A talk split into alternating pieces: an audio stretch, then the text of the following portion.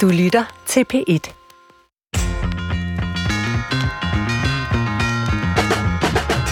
Jeg har gennem flere år analyseret og kritiseret tidens tendens til konstant selvoptimering. Man skal være den bedste udgave af sig selv, løbende forbedre sig, og måske have hjælp til det af en coach. Men hvis der er et sted, hvor coaching og optimering er på sin plads, så er det jo i sportsverdenen, hvor coachingen også kommer fra. Så derfor er jeg spændt på at dykke ned i den konkurrencebetonede sportsverden i dag og undersøge, hvad den evige stræben efter hurtigere, højere og stærkere, for nu at citere det berømte olympiske motto, gør ved udøverne.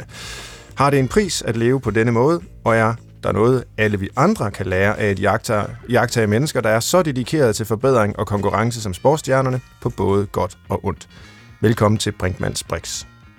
Jeg ser meget sport. Øh, jeg kan lide mange forskellige ting. Det, jeg ser mest, det er cykelløb. Når de store løb er i gang, så følger jeg med derhjemme foran skærmen. Og jeg holder selvfølgelig mest med danskerne. Øh, Christoffer Heide Højer, tilrettelægger på programmet her. Har du en sportsgren, du altid bare må følge med i? Ja, jeg ser altid badminton. Nå, okay. Det er min sport, ja. ja. Og øh, jeg forstår selvfølgelig ikke, hvorfor du ser cykling, fordi det er jo ikke lige så sjovt som badminton. Men hvad er det egentlig, du er så fascineret af, hvis de her præstationer, som de her idrætsudøvere kan lave på en cykel?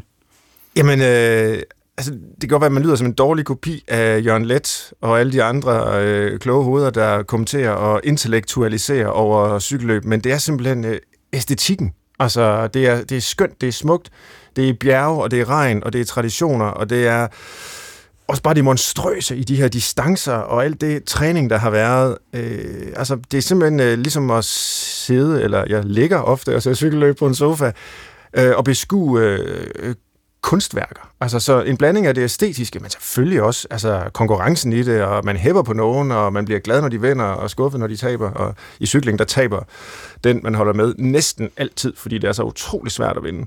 Mm.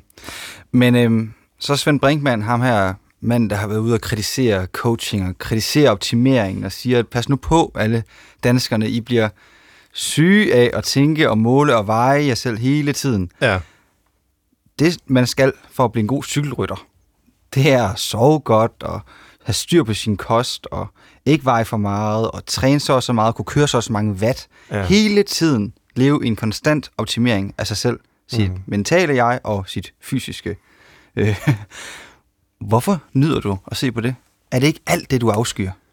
Nej, det er ikke alt det, jeg afskyer. Altså, jeg synes jo, det er ekstremt fascinerende med den her munke, ja, nu, nonneagtige, hvis, hvis det er kvindecykling, tilværelse, de har, og alle de afsavn, de må lide, og øh, jeg er glad for, at det ikke er mig, men jeg synes at det er utrolig fascinerende, at andre mennesker øh, gør det og, og kan det. Det, jeg har kritiseret, det er jo ikke, at der findes store præstationer, eller at der findes mennesker, der forbedrer sig gennem langvarig træning og alt muligt. Det, jeg har kritiseret, det er, at man gør det til den rigtige måde at være menneske på i alle mulige sammenhænge, også uden for sportsarenaerne.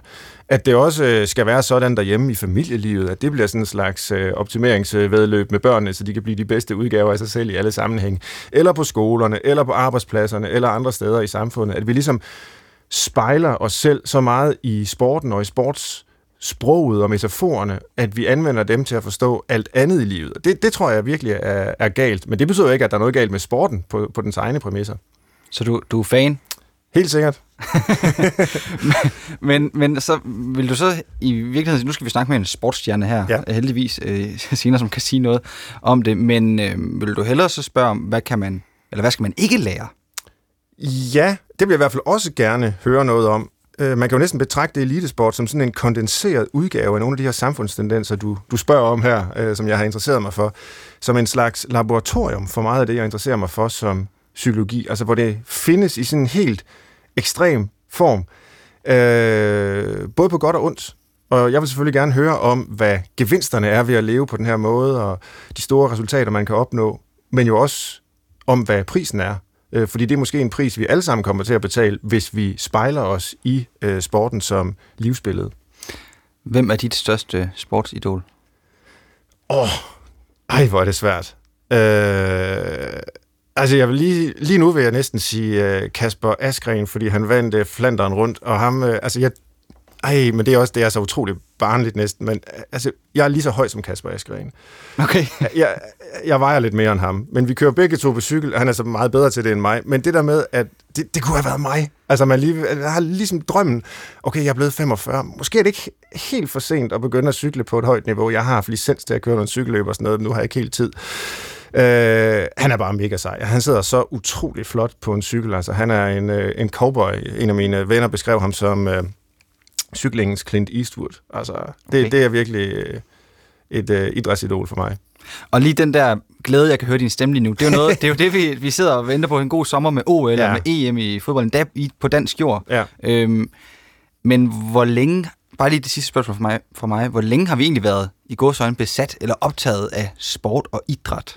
Jamen, prøv at gå på øh, museum og se de græske statuer af idrætsudøvere, ikke? Altså, hvordan de øh, viste de her kroppe frem og dyrkede dem, og altså den olympiske øh, ånd og de olympiske discipliner, mange af dem øh, går jo tilbage, specielt inden for atletikkens område, til de gamle grækere. Så det er virkelig en meget, meget dyb impuls i, i vores kultur.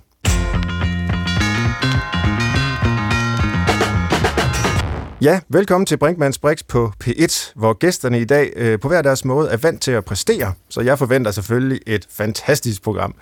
Fra karantæne efter en træningstur til Portugal som opvarmning til sommerens OL, har vi ingen ringere end 400 meter hækløberen Sara Slot Petersen, der skal til Tokyo og forsvare en utrolig flot sølvmedalje. Velkommen til, Sara. Tak skal du have. Og tusind tak, fordi du har taget dig tid til at være med her i dag. Og den anden gæst, det er mentaltræner med kunder som blandt andre verdens bedste fodboldspiller Pernille Harder og mange andre verdensstjerner. Carsten Oldengård hedder du. Velkommen til dig, Carsten. Ja, tak skal du have. Også tusind tak for, at du har taget dig tid. Jeg ved, du kommer lige fra øh, noget, der har med dit virke at gøre, så der er virkelig øh, gang i butikken for jer begge to, øh, og jeg har glædet mig rigtig meget til at øh, fordybe, mig, fordybe mig sammen med jer i det her område. Som Kristoffer ind på, så står vi jo foran en sommer, hvor der er EM i fodbold, der er endda kampe i Danmark, og så er det selvfølgelig OL i Tokyo, hvor masser af danskere skal i aktion, og der er de sædvanlige begivenheder, Tour de France, Wimbledon, meget mere. Og som jeg allerede har afsløret, så kommer jeg til at bruge en del tid i sofaen foran skærmen for at følge med. Men hvem er det egentlig, vi hylder, og hvad har de offret, hvad har de gjort for at komme så langt, som de er kommet, de her øh, sportsfolk, atleter, som vi kigger på og følger med i. Sara Slot. Lad mig begynde med et klassisk sportsjournalist spørgsmål. Jeg tror aldrig, jeg har stillet det i radioen før. Hvordan har du det lige nu? Det tænker jeg absolut ikke er et klassisk sportsjournalist spørgsmål. Nå, okay. Nå, jeg, jeg slukker det... altså, når de begynder at interviewe dem. og selvfølgelig, hvis man lige har... Det er nok sådan en fodboldspiller, men det er ja. sjældent, jeg får det stillet. Det er mere sådan noget, hvad synes du om din præstation? Hmm. Øhm, jeg øh, glæder mig jo til, at der jo forhåbentlig bliver afholdt OL. Øhm, mm-hmm. Så det, indtil videre er humøret højt. Øhm, hvis de på et tidspunkt melder ud, at det bliver nej tak alligevel, så tror jeg, at øhm, altså, så, så falder humøret en smule. Men indtil videre, der er jeg optimistisk, og min træning, den kører godt og planmæssigt, så jeg, jeg føler mig meget flyvende. Ja. Bliver det her dit sidste OL, så? Ja, det gør ja. det. det. Jeg er 34 nu, øhm, og øh, har været øh, på eliteplan siden jeg var 15, så min, øh, min krop kan godt mærke det, og jeg har ikke, jeg har ikke nu er det så godt nok kun tre år efter det næste OL her, men øh, jeg har ikke flere øh, olympiske cykluser i mig, mm. øh, så det bliver mit sidste. Det er det også den sidste turnering i det hele taget?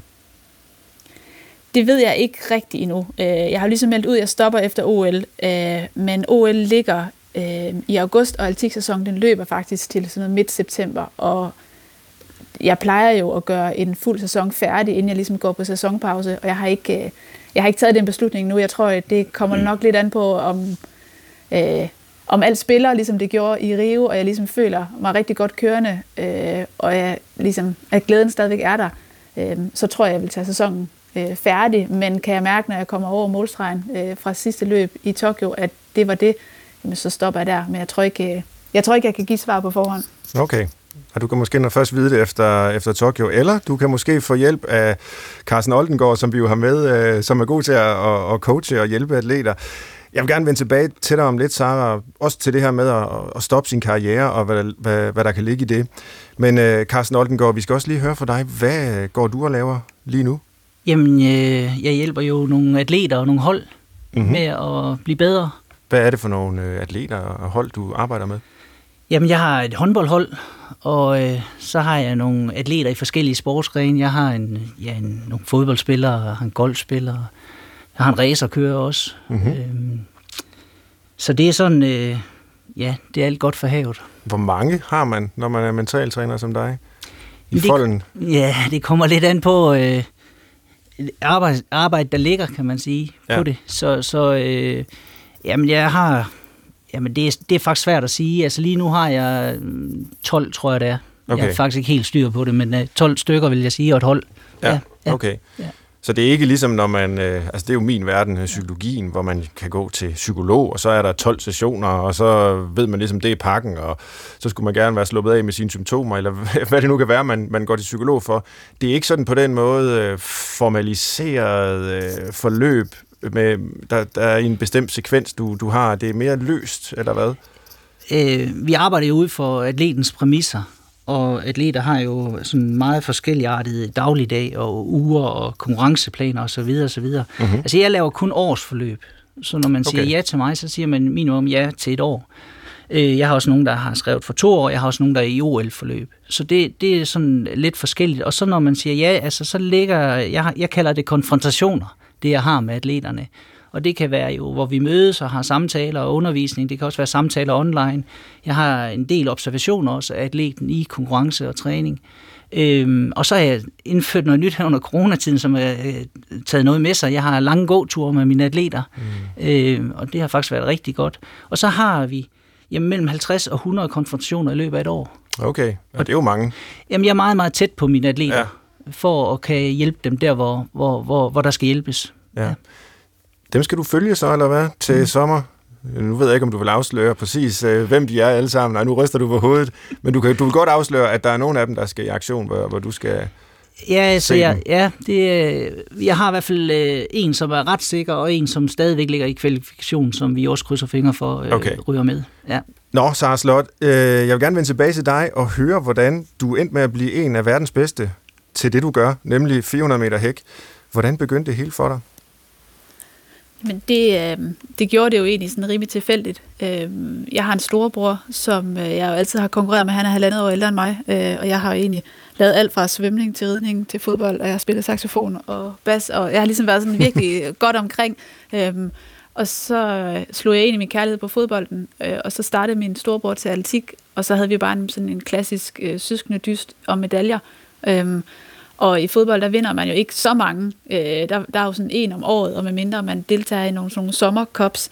Men i altik, hvis du er dygtig, så kan du hive medaljer hjem i mange discipliner. Ja. Så øh, det kom egentlig sig af, at min storebror kom hjem fra et DM og havde vundet en masse medaljer. Øh, og øh, af mangel af respekt over for, hvad han havde lavet, så tænkte jeg, at det der altik, det må være noget af det nemmeste i hele verden at få medaljer. Når han kan vinde alle dem.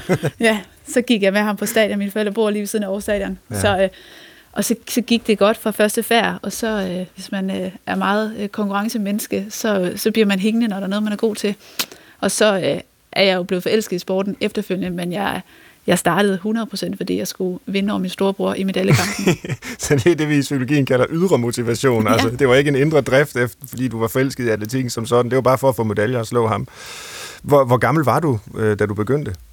Jeg var 13. 13, ja. Øh, ja. Og jeg er ind i den disciplin, jeg er, simpelthen fordi det var der, jeg var bedst. Okay. Så igen, det er jo et, et behov for at, at, at vinde, og så øh, bruger man udløsesmetoden, og øh, finder jo, man, når det er så fysisk en sportsgren, som, som atletikken er, så kan man rimelig hurtigt spore sig ind på, hvordan er det min genetik, hvor er det den passer, det var ikke kuglestød, og det var ikke, altså sådan, så, så, mm.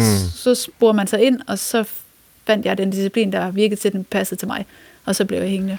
Hvornår kunne du så se, at det kunne blive til mere end bare øh, motionsniveau, om man så må sige? Altså, at du kunne faktisk blive rigtig god? Jeg satte en, øh, en dansk ungdomsrekord i min allerførste konkurrence, efter jeg havde øh, været i min atletikklub i to uger. Øh, så allerede der var der sådan en rimelig øh, okay indikator for, at, øh, at jeg nok godt kunne. Men det, det kunne jeg så, øh, og blev ved med at slå overgangsrekorder og slå en europæisk øh, ungdomsrekord. Og, øh, så, så det her, jeg blev ret hurtigt udråbt til et meget stort talent, og det er jo fordi, man alting er så målbart, så man kan jo bare gå tilbage i historiebøgerne og se, nå, nu var du 14 år, men du slog en rekord for nogle 19-årige, eller hvad ja. det nu var. Så det var, det var meget tydeligt, meget hurtigt. Hvordan har du så arbejdet med det mentale undervejs? Øh, det handler selvfølgelig meget om fysisk træning, det du præsterer, men øh, det mentale skal jo følge med. Hvad, hvad gør du der, og hvilke udfordringer har du haft i tidens løb? Jeg har egentlig ikke gjort så meget de første mange år, øh, fordi jeg ikke havde, jeg havde ikke et problem med at kunne præstere, når jeg skulle, øh, mm. fordi det bare var en leg for mig. Øh, og jeg, altså, alle sagde ligesom også, Sara, hun er god, når det gælder. Altså, jeg var ikke en af de der, som øh, slet ikke kunne leve op til det bedste, når jeg skulle. Øh, det kom først, da jeg var i, øh, jeg tror, jeg var i starten af 20'erne, øh, hvor at, øh, det begyndte at blive en udfordring for mig, og det var netop der, hvor jeg begyndte at kunne se, at jeg ikke løb hurtigt nok i forhold til, hvis jeg skulle slå, eller hvis jeg sådan skulle nå mit endelige slutmål, som jo er sådan en, en OL-medalje, det har jo, det jo været siden jeg var 14-15 år, var det ligesom det, der blev målsætning, og jeg vidste, at jeg skulle ramme det, når jeg cirka var de der 8-29 år, og så var det jo bare at, at gå i gang. Mm. Øhm, og der begyndte jeg over en årrække godt at kunne se, at nu forbedrer jeg mig ikke nok, og jeg kunne se, at jeg nåede ikke de finaler, jeg skulle nå.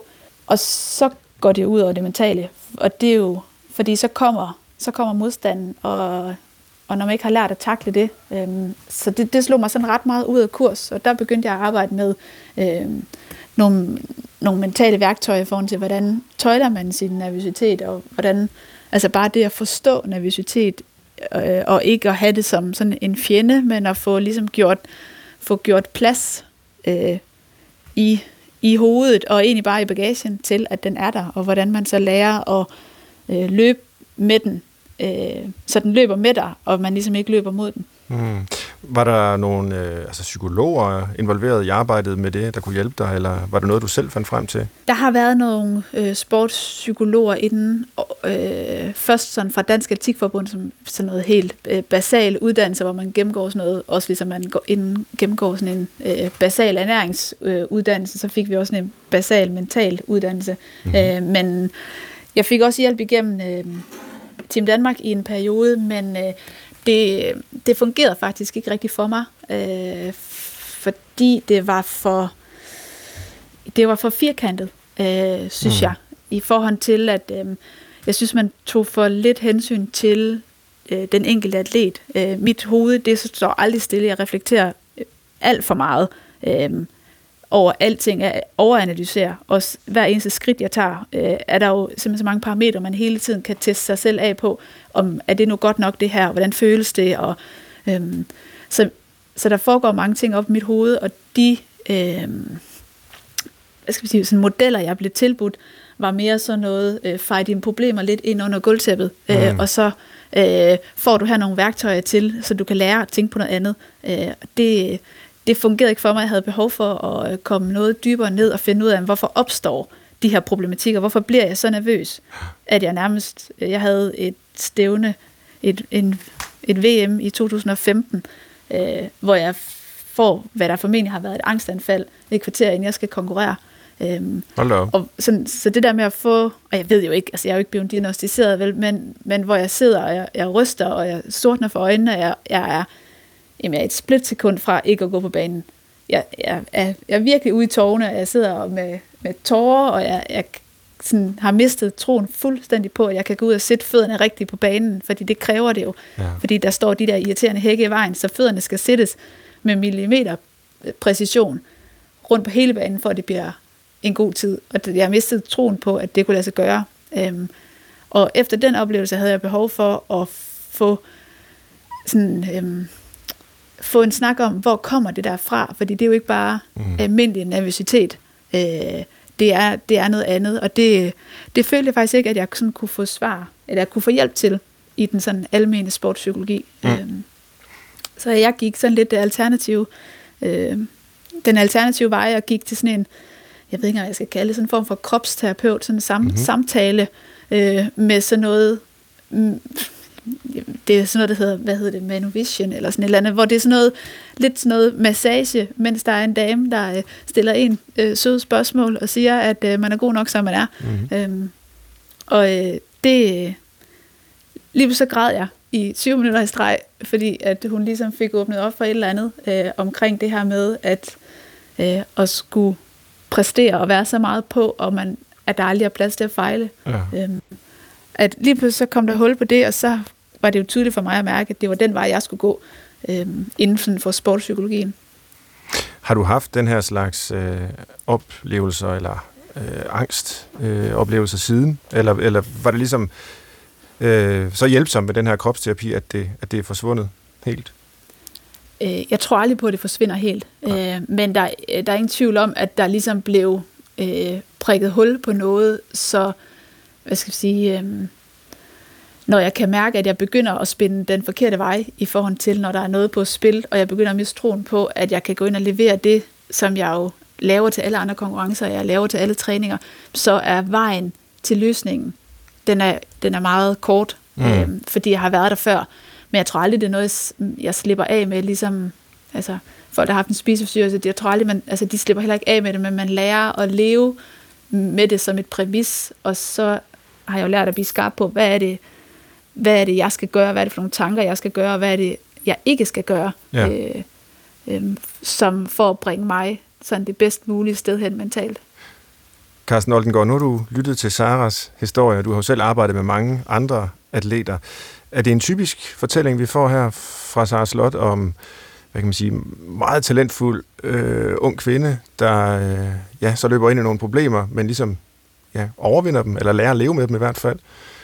Hvad, hvad Ja, altså, jeg, jeg, jeg tænker, det er der i hvert fald nogen, der, der jo har den historie med at være udråbt til et kæmpe talent. Mm. Og, og, og så kommer man ind på et eller andet tidspunkt i sin seniorkarriere, hvor, hvor den modstand så opstår, og, og krav til, at hvis man skal blive bedre, så skal man have, have gang i noget andet, end det man har gang i. Øh, og det skal man jo så have løst på en eller anden måde. Og øh, ja, det lyder da som om, så hun har fundet nogle veje i det der, som, ja. som er, er godt for hende. Ja. Og, ja. Kan du sige noget om, hvad der kendetegner de sportsfolk, der kommer helt til tops? Øh, ligner de Sara, eller kan de se meget forskellige ud? Ja, altså de har selvfølgelig nogle forskellige kendetegn og sådan noget, men i hvert fald noget, som jeg hæfter mig ved, som, som jeg synes er meget sådan, øh, det er, at øh, altså, man, de atleter, der bliver virkelig dygtige, de bliver sådan øh, øh, detaljeorienteret mm-hmm. på processer. Altså de bliver sådan nørdet på den gode måde, hvis man skulle bruge det udtryk. Altså de forstår nørd, og det kan jeg også høre, at uh, Sarah hun sagde noget med, at analysere næsten, at reflektere over hver skridt. Ja. Altså det der med at nørde sig ned i noget, fordybe sig i noget, det synes jeg i hvert fald er kendetegn for dem, der bliver rigtig gode. Uh, så det er et af kendetegnene. Jeg synes også noget af det, som er kendetegn for dem, der bliver rigtig gode, det er, at de uh, skal oparbejde en vis uh, struktur i sig. Uh, også en struktur omkring sig, men i hvert fald en struktur i sig. Og uh, og der er nogle gange, så bliver det også for meget, det er, det er jeg klar over, men, men jeg vil sige sådan, hvis man ingen struktur har, så får man rigtig, rigtig svært ved at blive til noget, fordi at al kreativitet, alt det unikke, det har afsæt i struktur. Mm. Så struktur er en væsentlig del at, at, at, at få gang i og få trænet. Du siger selv lige her i forbifarten, at øh, det kan selvfølgelig godt blive for meget, ja. fordi nu sidder jeg jo også og lytter til det her med, med psykologører, øh, og det der med at, at nørde med detaljer, altså det kan jo godt blive for meget, i hvert fald fra et psykologisk perspektiv. Hvis man læser tennisbiografier for eksempel, så er der jo nogle af de her tennisspillere, de opdyrker de mest sindssyge rutiner, og, og ja, detaljeplanlægning, alt muligt, også strukturer, som du nævner, ikke? De skal have omkring sig, at det faktisk kommer til at grænse til øh, OCD for eksempel, altså sådan helt tvangshandlinger, rituelle øh, handlinger. Øh, hvad gør man som en mentaltræner øh, for at hjælpe atleterne med at undgå, at det bliver for meget, alt det de skal her? Jamen altså, der er jo sådan nogle... Øh der er jo sådan nogle forskellige trin eller faser i den udvikling, fra at man øh, begynder at være, altså, eller fra man starter fra at være talentfuld, og så det, vi kalder verdensklasseatlet. Og, og verdensklasseatleter, inden man sådan kan blive det, så er man i hvert fald gennem en fase, hvor netop det, det bliver lidt for meget det hele. Ikke? Det bliver mm. lidt for meget detaljeorienteret. Der bliver lige lidt for meget struktur. Og så er man derovre, hvor, hvor man skal forsøge at slippe noget af det. Og, og nogen, øh, noget af den tilgang, jeg har der, det er min om, det der med, at man er et menneske i det. Altså man er også en atlet, en super professionel, seriøs atlet, men man er også et menneske. Så, så, så noget af modvægten, det er også at begynde at tale om mm, det her menneske, man også er. Hvad er det, man godt kan lide som menneske også? Mm. Og ikke kun som atlet. Ja. Og der, der, der, det er i hvert fald en måde at, at få noget balance i, i, i den atlet. Før vi går videre, kunne jeg godt tænke mig, at vi lige prøvede at lytte til en toppræstation. Du har klippet, Christoffer. Og så Sara Slot i øh, vel nok den vigtigste finale i hendes liv, der forløbet har varet 29 sommer. En dansk og nordisk rekord på 53-99. Ja, den kan der godt blive behov for. Total stillhed på stadion. Og så fik vi dem afsted, Sara Slot. Altså på bane 4. Hun har løbet de to foregående løb på øh, bane nummer 5. Det er... Hun skal være ligeglad med, at Mohammed Ja, kommer op. Mohammed Det er kommer stormende udenom nu. Fuldstændig ligegyldigt. Hun skal bare med nu, og det gør hun. Skal løbe sit eget løb, og hun skal ikke lave fejl. Hun ligger rigtig godt. Og så er det femte hæk, og hun skal blive ved med at trykke løs. Følger godt med Mohammed lige nu. Der er lavet Ashley Spencer en fejl på den seneste hækpassage. Hun er Yes. altså bagud nu. Og hun skal blive ved med at trykke. Kom så Sara Slot. Og så skår hun over på 16 skridt. Tre hække tilbage. Kom så, Sara.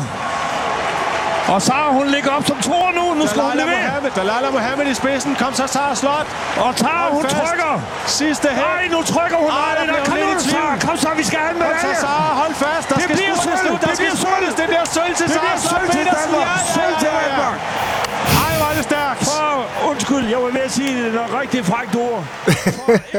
Ej, det er fantastisk. Ej, Carsten, du kan bevidne, at jeg har virkelig uh, Ja. gåsehud, og arme, hvad hedder det, hårene står op på armene. Huha, nu tager jeg lige sportsjournalisten på mig igen. Uh, Sara, hvordan føles det at høre det her?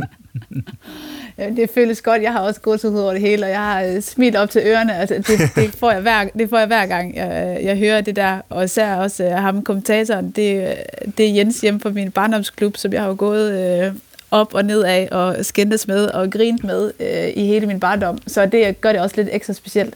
Men øh, ej, det er, en, det er altid en stor oplevelse at høre det, øh, fordi det er jo genkendende, altså jeg kan jo huske alt, hvad jeg tænkte undervejs i løbet, når at jeg hører kommenteringen. Så det er jo også øh, Kan du det er det? jo fedt, fordi mit, ja, det kan jeg. Ja, det synes jeg er 100%. sjovt. Ja, fordi altså, et er jo selvfølgelig at høre det udefra og så videre, men, men noget andet er at være den, der har gjort det her, og løbet, og ligesom oplevet øh, runden der undervejs og det hele. Og, og der, der, der, der står det simpelthen klart for dig, hvad, hvad der skete hele vejen rundt. Ja, ja jeg har jo, jeg har jo en plan. Øh, Mm. Der er jo ikke noget, der, der er ikke noget, der er tilfældigt. Det er jo ikke bare sådan, at man løber lidt som vinden blæser. Alt fra i startblokken til præcis længde af min skridt, til hvad for et ben, jeg skal have til hækken, til hvad skal jeg gøre efterfølgende, hvad skal jeg gøre med min arm, hvor skal jeg kigge hen, hvordan skal fødderne sættes i, skal underbenet øh, strækkes ud. Altså der, der, alt er jo øh, planlagt for, at det giver det bedst mulige flow igennem øh, løbet.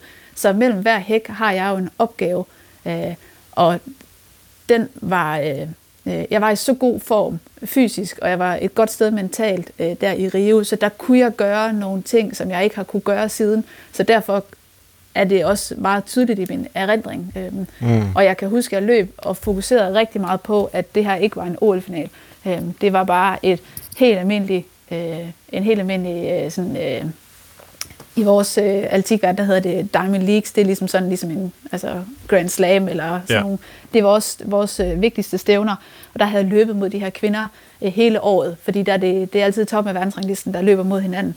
Så jeg havde jo mødt dem mange gange, øh, så jeg vidste jo godt, at jeg kunne hamle op med dem. Så jeg prøvede hele tiden at fjerne fokus fra, at det her det var en OL-finale, og at jeg var som de jo siger, min livs vigtigste finale, og jeg nu havde faktisk rigtig gode chancer for at opnå det mål, som jeg havde sat mig, da jeg var 13, mm. øhm, og som jeg havde skudt en hvid pil efter øh, undervejs i min karriere, fordi jeg ikke udviklede mig, som jeg skulle.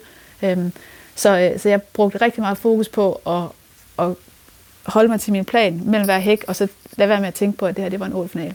Og det kom jeg jo så til til sidst, og det var derfor, det var lige ved at gå galt. Men hvad så bagefter? Fordi så har du så opnået dit uh, life goal, øh, oven i købet efter ja, store vanskeligheder, og du var i tvivl om øh, undervejs øh, i, i alle processerne frem til, om det nogensinde kunne lade sig gøre, og det kunne det så. Du fik en, øh, en OL-medalje, og der må man bare sige til lytterne, altså hvis man ikke ved noget om atletik, øh, så kan man sige, det er bare kæmpestort, og du er, øh, nu må du rette mig, Sara, men du er vist den eneste danske løber, der nogensinde har fået en øh, OL-medalje. Ja. Ja, og det, så det er bare det er mega svært, og det er kæmpestort. Men hvad så bagefter? Så opnåede du det. Øh, fløj du så bare videre? Øh, eller, eller kom der også en periode, hvor, hvor det ligesom, hvad ved jeg, øh, dalede lidt, eller hvor, hvor du kan sige, okay, nu har jeg ligesom opnået det, hvad skal jeg så? Jamen helt klart, der er jo sådan helt øh, en, et, sådan, en psykologisk term, der hedder Olympic Blues, som alle som bliver ramt af, fordi man er så dedikeret i de her fireårige perioder, og når det så er overstået, og næsten ligegyldigt, om du kommer ud med et godt eller et dårligt resultat, øh, så, øh, så sidder man bare, jamen, folk sammenligner det med en depression. Altså man, jeg kan mm. huske efter OL, altså jeg, jeg, jeg lå bare hjemme på min sofa, og jeg kunne, jeg kunne ikke komme ud. Øh, jeg skulle så løbe nogle flere konkurrencer, og det var også bare, jeg kan huske, jeg stod der og kiggede på den der startblok, og følte, at jeg var, jeg var blevet sat på månen. Altså jeg kunne slet ikke uh, rumme, at jeg skulle løbe mere. Jeg kunne, og når jeg var hjemme i Danmark, jeg låste bare døren, og jeg var bare på min sofa, og jeg ville ikke handle, og jeg ville ikke gå ud for dør. Jeg ville helst ikke aflevere min søn i institutionen, for jeg kunne simpelthen ikke, jeg kunne ikke rumme mennesker overhovedet, mm. fordi at folk var så glade. Altså jeg har kun med positiv tilkendegivelse. Der har ikke været noget negativt, men det der med, at folk har fulgt så meget med og har så mange følelser koblet op på det, jeg har lavet, og de føler, at de, de kender en, og de, er, de vil bare gerne udtrykke deres glæde, men jeg kender jo ikke dem, Nej. og jeg kan, ikke, jeg kan ikke rumme deres behov for at skal røre ved mig og skal snakke til mig, og selvom igen, det er jo bare ren anerkendelse, men, men det, det, er, det er sådan en vanvittig følelse at være i det der, så jeg gemte mig egentlig basic bare inde i min lejlighed, indtil jeg sådan begyndte at være klar til at kunne gå ud og, og, og møde mennesker igen. Ja. Øhm. Så det er trods alt gået over igen, kan man sige, og du er, ja nu selvfølgelig nu er der corona, men ellers er du ude og, og fungerer i det almindelige samfund ja, igen. Ja, ja, ja. Jamen, det er godt. Carsten, nu øh, skal vi også lige høre om, øh, om din vej ind i øh, det her område med øh, coaching og mental træning. Øh, det at være mental træner, det er jo ikke noget, man bare lige kan gå i skole for at blive. Altså, Institut for Mental Træning, det ved jeg ikke, om det findes. øh, hvordan er du blevet det? Jamen, det, det er en tilfældighed. Altså, øh, når jeg sådan kigger tilbage, nu har jeg jo haft virksomhed i, i 12 år, og når jeg sådan kigger tilbage til, hvordan er jeg blevet mental træner, jamen, jeg, jeg har selv øh, svømmet rigtig meget, så jeg ved godt, hvad det andet det vil sige at, at træne rigtig meget to gange om dagen og sådan nogle ting. Og jeg har også spillet noget fodbold og noget håndbold, og jeg har været træner i forskellige øh, idrætstræner. Jeg har skrevet noget materiale af forskellige art. Jeg har prøvet rigtig, rigtig meget. Og i alt det der, der finder jeg så ud af noget af det, jeg er god til, det er at tale med mennesker. Øh, og det, der så sker, det er, at jeg bliver ringet op af nogen, der siger, jamen Carsten, vi har hørt, du er god at tale med, vil du tale med mig? Og så siger jeg, det kan vi da godt. Og så kommer man hjem til mig og igennem huset, og så sidder vi nede på kontoret og taler sammen, og så bliver man så sendt ud af, af døren igen. Og så øh, på et tidspunkt, så min kone, kan jeg godt se på min kone, hun synes godt nok, der kommer mange mennesker ind i, i vores hjem på den måde der. Og jeg tænker, Nå, det kan da godt være, jeg, det kan være, jeg skal tage nogle penge for det der. Og det begyndte jeg så at tage nogle penge for, og så i 2008, der har jeg tjent øh, 50.000 og så skal man momsregistreres. og så kan jeg bare huske sådan lidt naivt, jeg tænker, hold da op, det kører for mig, mand. Jeg er jo direktør. Det kører bare. ja da. Og så, øh, jamen, så tænkte jeg, okay, hvis jeg nu træder på den her øh, speeder omkring øh, mental træning, kigger på værktøjsdelen, kigger på det relationelle, kigger på metoder og så videre, hvad, hvad, hvor kan jeg så tage det hen? Og så gik faktisk ikke ret lang tid, der gik, jeg tror, det gik to år eller sådan noget, så kunne jeg leve af det. Mm. Så, så det er sådan, men, og, og så kan man sige, hvordan, øh, hvor har du så ting fra? Jamen jeg har ting, øh, altså jeg har fået mine ting fra mange forskellige steder. Altså jeg er uddannet fysioterapeut. Øh, jeg har arbejdet i psykiatrien, både børne-, unge og voksenpsykiatrien. Så, så jeg ved også noget om, når, når, når hovedet lider. Mm. Øh, arbejde med jamen, skizofrene, personlighedsforstyrrelse, øh, spiseforstyrrelse osv. Så, videre. så, så jeg har også et indblik i, i den verden der. Ja. Så, så det er meget den måde, jeg har... Og, og jeg, jeg anser mig for at være håndværker. Altså, når man kommer med mig, så, så tænker jeg altid, hvad virker for den der atlet? Og tage afsæt i atleten og sætte atleten ligesom i centrum og sige, okay, du står her. Hvordan kan jeg hjælpe dig bedst muligt til at præstere bedst muligt? Mm. Og trives. Og hvorfor er du egentlig optaget af det? Altså, det er jo skønt, at du er det. Mm. Øhm, men du kunne også bruge dine talenter i alle mulige andre sammenhænge. Altså, det der med at hjælpe sportsfolk til at præstere lidt ekstra, hvor kommer lysten til det fra? Ja, det ved jeg ikke, om jeg kan i alle mulige andre sammenhænge. Det ved, Det jeg, kan sådan, det- det ved jeg ikke, om jeg det kan kan. så også være, det jo det her, du kunne, og så er det jo, Ja, så er det jo fint, du gør Ja, det. præcis. Altså, Ja. sådan tænker jeg meget. Jamen, det, er jo, det er jo det her, det her område, der er jeg bare på hjemmebane. Altså, jeg kan Ja. lide sporten, og der er jo kontant afregning. Mm. Tingene er meget sådan sort-hvide, ikke? Den der øh, grønne nuance, den er sådan lidt forsvundet, og jeg kan godt lide det der med, at, at jamen, der bliver mål på præstationen, der bliver mål på resultaterne, og, og, og, og, og hvis vi har ønsker om at ændre noget, så kan vi også rimelig hurtigt øh, i gang sætte det og sådan noget. Så, så det er draget af det der. Jeg kan godt lide at være blandt de mennesker, som er i sporten, og som, som er draget ind i sporten, og det er, det er jo specielle mennesker, mm. der er der, og, og det er også draget af. Du var lidt inde på det før, men er der sådan en liste med ingredienser, du kan remse op for os, som kendetegner de her toppræsterende atleter? Du, altså, der var det med struktur, Ja. orientering og detaljeorientering. Ja. Er der andet, vi skal skrive på den liste, når nu de håbefulde forældre sidder ude og hører det her program og tænker, min lille Per eller Sonja skal være øh, topatlet? Ja, vi, vi kan tage forældrene lidt senere. Men, Ja, det er nok en særskilt Ja, problematik. det, det tror jeg. Altså, det, det, det tror jeg ikke, vi sådan på den måde skal gå ind i. Men, Nej, nej. men hvis jeg skal kigge lidt i, i, øh, sådan, i, hvad skal der være til stede, så noget af det, jeg også sidder og kigger efter, det er det her vil. Altså, er villet stort? Kan, kan man, altså, kan man signalere, at jeg vil simpelthen bare gerne det her? Og, og jeg sidder også jo og kigger sådan helt rent sprogligt på, jamen, er, er der opbygning af vilddialoger? Mm. Eller kan jeg allerede i den første sådan, rekrutteringsfase, jeg har med de atleter, øh, finde ud af, men kan jeg præge dem i, i, i, i vilddialoger? Har de det i sig? Øh, Så, så det er jo sådan noget, jeg sidder og leder efter. Jeg sidder jo, jeg, jeg er jo ikke interesseret, når jeg sidder sammen med atleter, så, så, er jeg, så er jeg interesseret i det uforløste potentiale. Det er hele tiden det, jeg sidder og kigger. Hvad, hvad tror jeg, det kan blive til her? Mm. Ud fra de, de mentale strukturer og mønstre, jeg sådan kan afkode. Hvad nu, hvis der kommer en ung øh, sportsudøver og siger, jeg vil være verdens bedste. Hjælp mig med det, Karsten. Jamen, det er der jo en del unge mennesker, der efterhånden gør. Det er jo altså, en stor, ja, en voldsom ambition. ja, ja, og der er Der kan man næsten kun blive skuffet, ikke? fordi der er Ja. kun én, der er verdens bedste. Ja. Og sandsynligheden for, at det lige Ja. præcis er den person, der træder ind ad Ja. døren, er jo nærmest lige nul. Ja, præcis. Så, så det, man kan, det er jo noget med at også finde ud af den unge, jamen, hvad, hvordan ser den unges hverdag ud, og forstår den unge, at der er en masse mellemregninger, altså i, i, i det her regnestykke, eller er det noget, vi tror, det sker lige om et år, eller to, for den sags skyld, eller, mm. altså, kan man, øh, altså, er man klar over, at der for eksempel følger netop det her med det hårde arbejde, følge, og, og kan jeg se, at nogen laver allerede nu på den, det alderstrin og det modenhedstrin hårdt arbejde, jamen så er der muligheder. Men, men det er blevet det er lidt nemt i dag at sige som ung, jeg vil være verdens bedste, fordi vi har hørt, at alle de her, der bliver til noget, de går, har jo sagt i en tidligere, eller jeg vil gerne være verdens bedste, eller jeg vil gerne med til OL, og det er fint nok, men der er jo en masse mellemregninger i det der, og især det hårde arbejde. Mm. Og det er, det, det er ved at blive lidt en mangelvare på den ungdomsgeneration, vi, vi ser nu her. Ja. Ja. Sara Slot, du, du sagde jo ja. faktisk, øh, at du ville være, ja, måske ikke ligefrem verdens bedste, men så næstbedste, eller i hvert fald have OL-medaljer, og det, det lykkedes for dig. Har du nogensinde tænkt øh, undervejs i dit liv her, at det på en måde har været for... Altså nu er det jo så lykkedes, så derfor er det jo lidt mærkeligt spørgsmål at stille, men at det måske har været at stile for højt. Altså skulle du ikke bare øh, satse på at blive, hvad ved jeg, i top 100 i verden eller sådan noget? Det er jo da svært nok i forvejen. Altså hvorfor ligefrem det her enormt ambitiøse mål? man har behov for et meget ambitiøst mål, og det er rigtigt, det er jo også øh, øh, det, er jo, det er jo nemt, og det er jo omkostningsfrit at sige, når man er ung, at man gerne vil være verdens bedste, så det er jo også derfor, at alle bare liger det af. Og så er det jo, at jo ældre man bliver, jo øh, mere opmærksom man bliver på, hvor svært det så faktisk er, så øh, justerer man jo sine forventninger. Og det var jo også det, jeg gjorde undervejs i min karriere, øh, da jeg var i starten af 20'erne, kunne se, at jeg slet ikke løb hurtigt nok i forhold til øh, min videre udvikling. Så der nåede jeg jo også at revurdere øh, min målsætning, mm-hmm. så den ikke øh, blev til, at jeg skulle have en medalje, men at jeg vil øh, potentielt nå en finale, og ellers så vil jeg sigte efter at blive et top 12 i verden, øh, fordi det synes jeg stadigvæk var realistisk.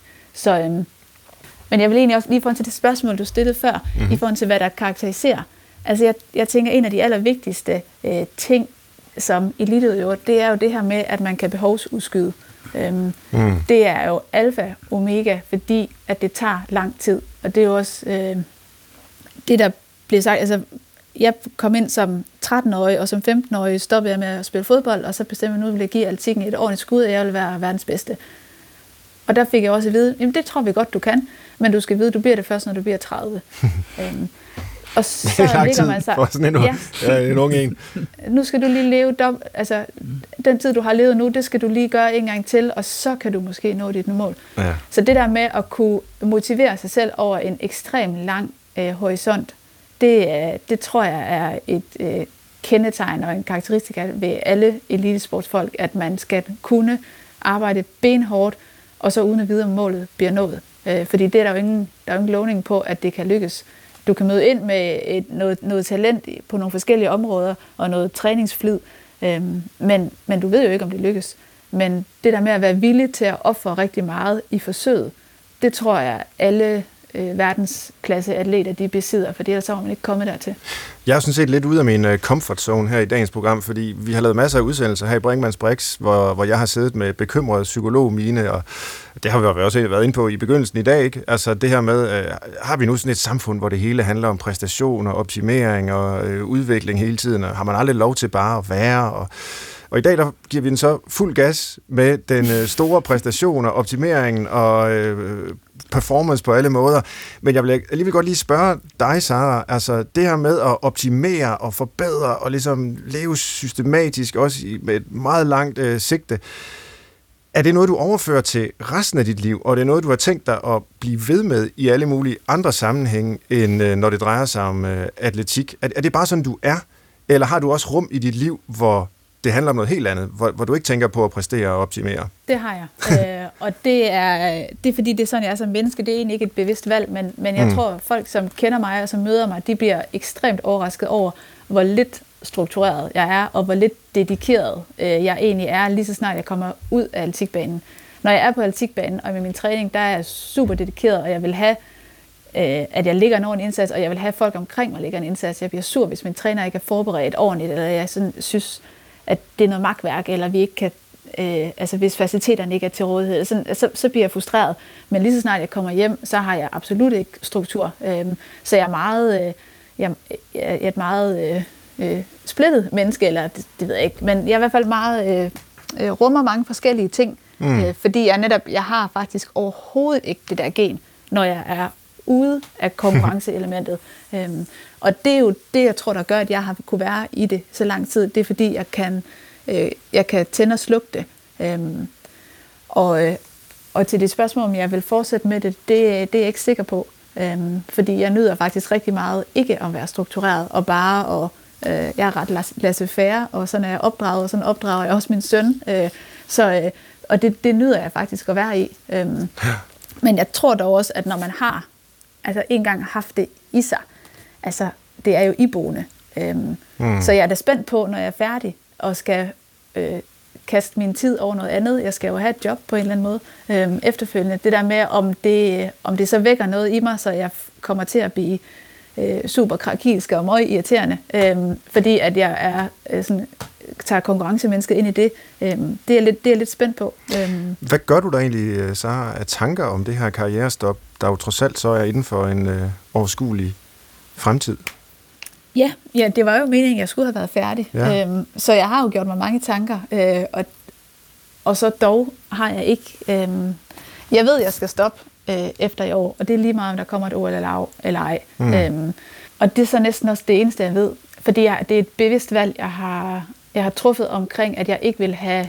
Altså, jeg vil ikke bruge kræfter på det. Øhm, jeg vil ikke begynde at øh, aktivere et netværk og finde ud af, hvad... Øh, hvor, hvor der kan være plads til mig, øh, fordi det skal, ikke tage, det skal ikke tage fokus på, hvad der sker, når jeg er færdig. Øh, det må, altså, den tid, den kommer. Jeg kommer til at være færdig, og så må jeg, så må jeg håndtere det der. Så jeg er sikker på, at der, der skal nok være brug for sådan en til mig. Øh, men jeg aner ikke, hvor. Og sådan en sjældent gang kan der godt lige blive slået lidt ud omkring netop det her med, hvad skal der egentlig blive af mig. Øhm, for jeg er ikke uddannet skolelærer eller øh, et eller andet ud til sådan et øh, bestemt job. Jeg har en, øh, en bachelor inden for sportsernæring, og så har jeg en kandidat i idræt, som er jo sådan noget lidt, lidt fluffy, hvor man sådan, der er jo ikke bare lige et job, der står sådan og venter på en med den uddannelse. Øhm, men øh, der skal nok være noget til dig, Sara Slot. Det er jeg i hvert fald Altså, helt det- overbevist om. Jeg skal ja, lige høre, tænker jeg også. Carsten Oldengård, øh, har du også erfaring med, med det med karrierestop, altså at hjælpe atleter med at jeg skal sige, gennemgå den proces, der må være en kæmpestor omvæltning. Altså fra at alt har handlet om præstere og vinde osv., til at man lige pludselig står uden den dimension. Ja, ja jeg har heldigvis været så privilegeret, at jeg har fulgt nogen ud af sporten mm-hmm. igen. Og det jamen det er jeg altid meget privilegeret over, fordi det er ikke, der er ikke ret mange, der rækker ud i den fase, altså på at, at komme ud af sporten igen. Øhm, og det er virkelig, virkelig en svær en, fordi at man jo har brugt så meget tid og så meget af sig selv inde i en arena, og nu er man så på vej over i, i en anden arena. Øh, og der er jo forskellige igen sådan håndtag, man kan, man kan, man kan tage fat i. Øh, jeg, jeg, jeg synes, at, at det der med at beslutte en dato på, hvornår skal det skifte være, det er en god ting at gøre. Altså, øh, og ikke fordi det altid overholder det eller noget, men det er en god ting at have den.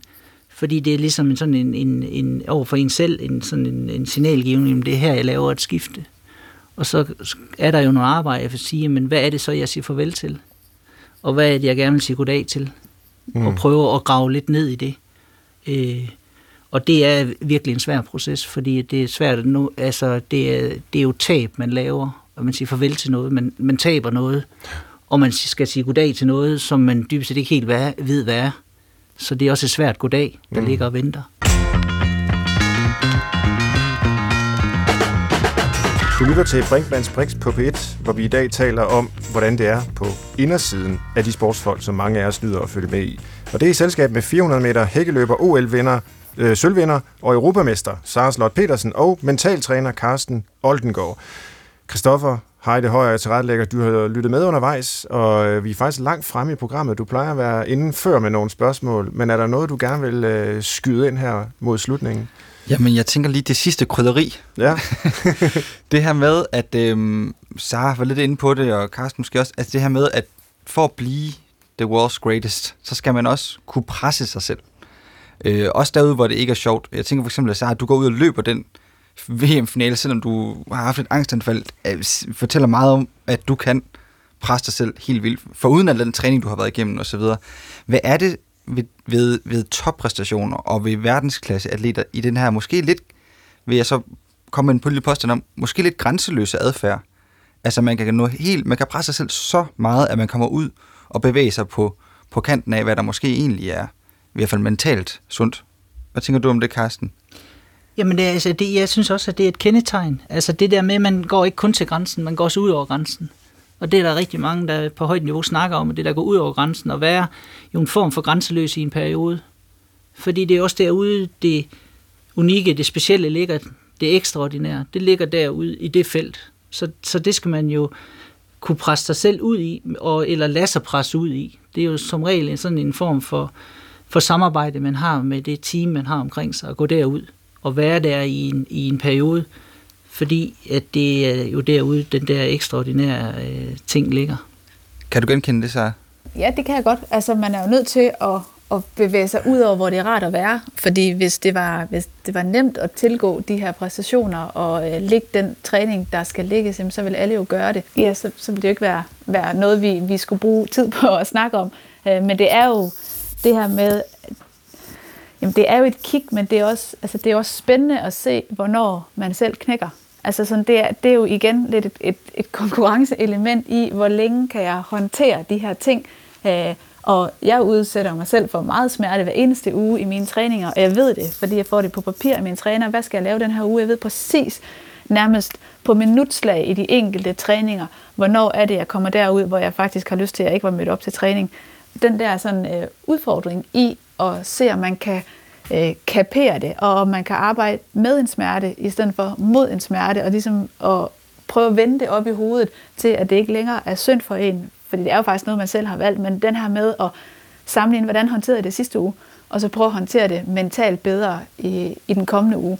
Så, øhm, så altså, altså, jeg giver jo ret i, det er jo, det er jo vanvittigt, og jeg er ikke sikker på, at det er sådan super sundt, øh, hverken øh, fysisk eller mentalt, men det er, det er meget spændende at være i, og det er, det er et kick, som hvis man har et behov, og det tror jeg, det har elitesportsfolk jo, et behov for at få det der kick, jamen så har jeg svært ved at se, hvor man ellers skulle finde det. Og det er jo egentlig også det, jeg nok er mest bange for i forhold til et karrierestop. Det er manglen på øh, den spænding, som der jo kommer, når man presser sig selv voldsomt meget ud over grænserne. Jeg kunne også godt tænke mig at sige, altså supplere lidt, det er også noget med jo at faktisk at kunne have en tilfredsstillelse i kontroltab. Altså, at man, man mister igen kontrollen i en periode. Og det skal man øh, kunne faktisk lide at være i. Altså, man næsten snakke om selvpineri, ikke? Men det er, det, er, det er noget af det, som også ligger verdensklasse øh, leder nær og gør det der. Mm. Men er det egentlig en nødvendighed? Øh, altså jeg forstår selvfølgelig godt, der er fysisk smerte, og der er også nogle afsavn og alt muligt forbundet med de her store præstationer. Men der er også nogle sportsfolk, man kan kigge på, og man tænker, det ser ud som om, de virkelig bare har det sjovt med det. Altså, at det ikke, nu, inden for cykelverdenen, som jeg jo følger, altså, da Peter Sagan var bedst, øh, Øh, det var bare en leg for ham. Han er så utrolig dygtig til alt muligt på cyklen, og han, han smiler, når han, og så videre. Altså, eller da jeg var ung og så basket, ikke? Altså Michael Jordan, som en af stjernerne hed dengang, der kunne øh, hoppe højere end andre, og altså, det kan da godt være, at de også har haft de her virkelig vanskelige processer og kæmpet osv. Men er der også bare nogen, for hvem det i højere grad er en leg, Karsten? Jamen, det, er jo, det kommer ind på, hvordan du sådan definerer ja, leg. Ja. Altså, fordi leg i sin fineste form har jo hele følelsesspektret i sig. Ja. Så, så, så der er jo både... Ja, det kan også være svært at lege, kan man sige. Eller... Jamen altså, det, det at lege, det, det synes jeg, der er en fin uh, tilgang at have til sport. Men, øh, men, det, det, men det er også in, inklusive alle de følelser, der følger med i en leg. Det kan være begejstring, der kan være glæde, der kan være bekymring, der kan være spænding, der kan være øh, øh, bange for at tabe, altså mm. angst. Det, det, der kan være det hele. Så, så det kan man da godt lege, og så løber man igennem alle de følelser der. Ja, for man, ja, Jamen, jeg spørger også på den måde. Det er stadigvæk en leg, selvom det går ondt. Ja. Altså, ja. Det, er jo, det er jo bare en, det er en leg, der går ondt, men, men det er jo stadigvæk en leg. Ja. Men det er jo bare lige det element, som man skal have med, for man synes, det er en sjov leg. Jeg vil også bare lige sige, nu har du måske ikke set dokumentaren, Svend, om Michael Jordan, fordi hvis der er en, der træner meget, ja, ja. så er det den mand. jo, jo. Ja, men det er ikke fordi, de, altså, meget træning er jo en ting, men altså, hvis man øh, virkelig synes, det er sjovt at træne, mm. øh, så gør man jo også gerne det. Altså, jeg kører også mange timer på cykel, øh, egentlig ret formålsløst, fordi jeg skal ikke bruge det til noget, men jeg gør det jo, fordi jeg nyder det, jeg synes, det er sjovt.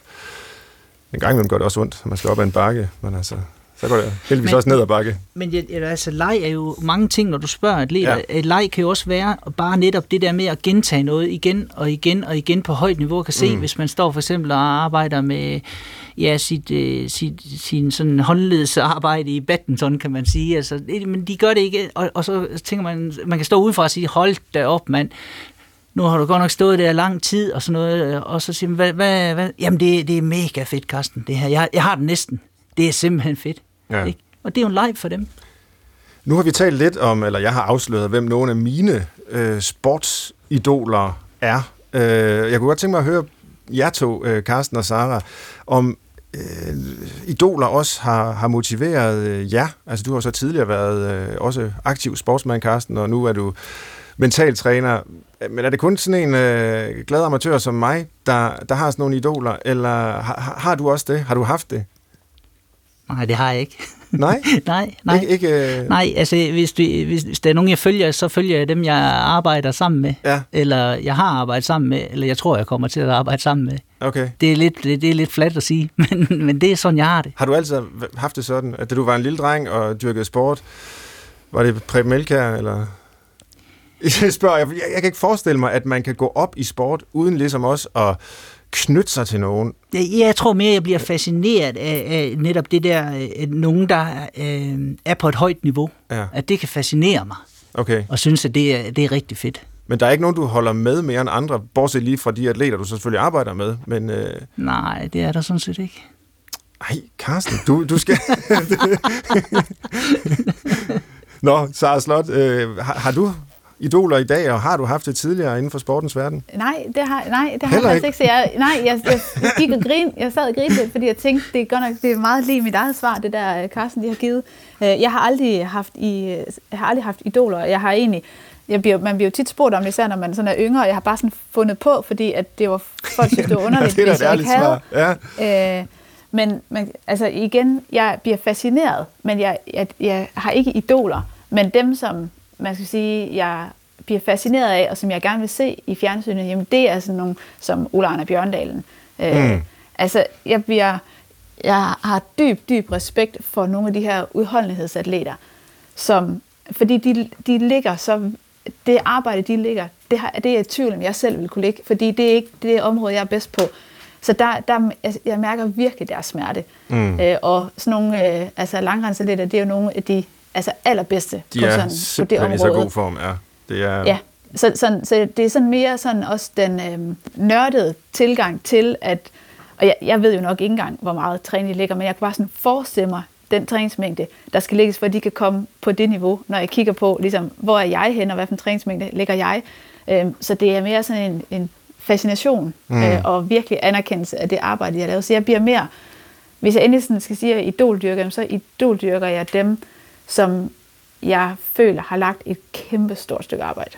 Så, så jeg har nok, øh, jeg kan nemmere finde respekt for, for sådan nogle atleter, end jeg kan for øh, det ved jeg ikke, fodboldspillere, eller hvad det, hvad det nu skulle være, hvor at man måske har en forventning, eller sådan en teori om, at, at det er ikke altid, i hvert fald hos alle, hvor der bliver arbejdet lige hårdt, det har jeg faktisk lidt svært ved at finde respekt for.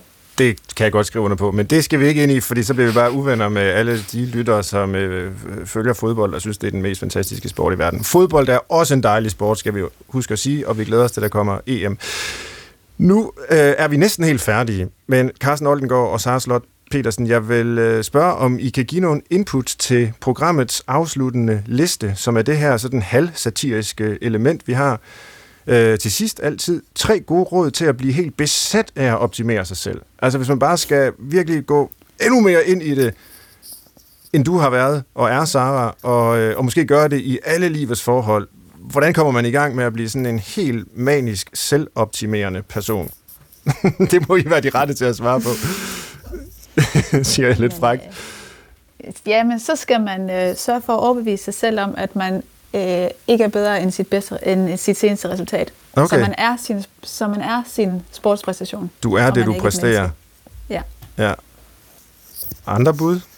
Ja, du kigger over på mig, Svend, det er Ja. jeg helt med på. Um, jeg, ved, jeg ved slet ikke, om jeg skal bevæge mig ud i Du det er ikke vant til område at tænke i de baner? Nej, nej, jeg synes Du synes jo, det er at- godt, at man... Øh... Ja, nej, nej, det synes jeg ikke. Nej, nej. Men jeg, hvis jeg skal kaste noget i puljen sammen med Sara, fordi jeg er meget øh, også øh, lige li, øh, Sara her, jamen hvis du bliver resultatfixeret, Mm. altså det er det eneste, der, der, der, der tæller i dit hoved, øh, så skal jeg love for, at du kommer til at på hårdt arbejde. Og så skal man jo sørge for at optimere på alle steder i sit liv. Optimere alt. Ikke kun, ikke kun det sportslige, det skal være alle steder i livet. Ja. Du er Så det, du man- præsterer. Ja. Bliv helt så man er resultatfixeret og Sikker på, at der optimere ikke er alt. noget, noget slack nogen steder. Perfekt. Det var alt, hvad vi nåede. Du har lyttet derude til Brinkmanns Brix. Det er en opvarmning til sportssommeren. Vi håber, at du har fået en fornyet respekt for sportsfolkene, der snart drøner afsted mod medaljer. Jeg vil i hvert fald sige rigtig god tur, og alt det bedste til dig i Tokyo, Sara Slot Petersen. Tusind tak, fordi du var med. Selv tak. Du løber altså 400 meter hæk for måske sidste gang i karrieren. Og selvfølgelig også en god sommer til dig, mental træner Carsten Oldengård. Du fortsætter med at hjælpe en masse atleter til at præstere bedst muligt. Tak skal du have. Ja, selv tak. Til retlægger i dag var Christoffer Heide Højer, og jeg hedder Svend Brinkmann. Tak fordi I lyttede med.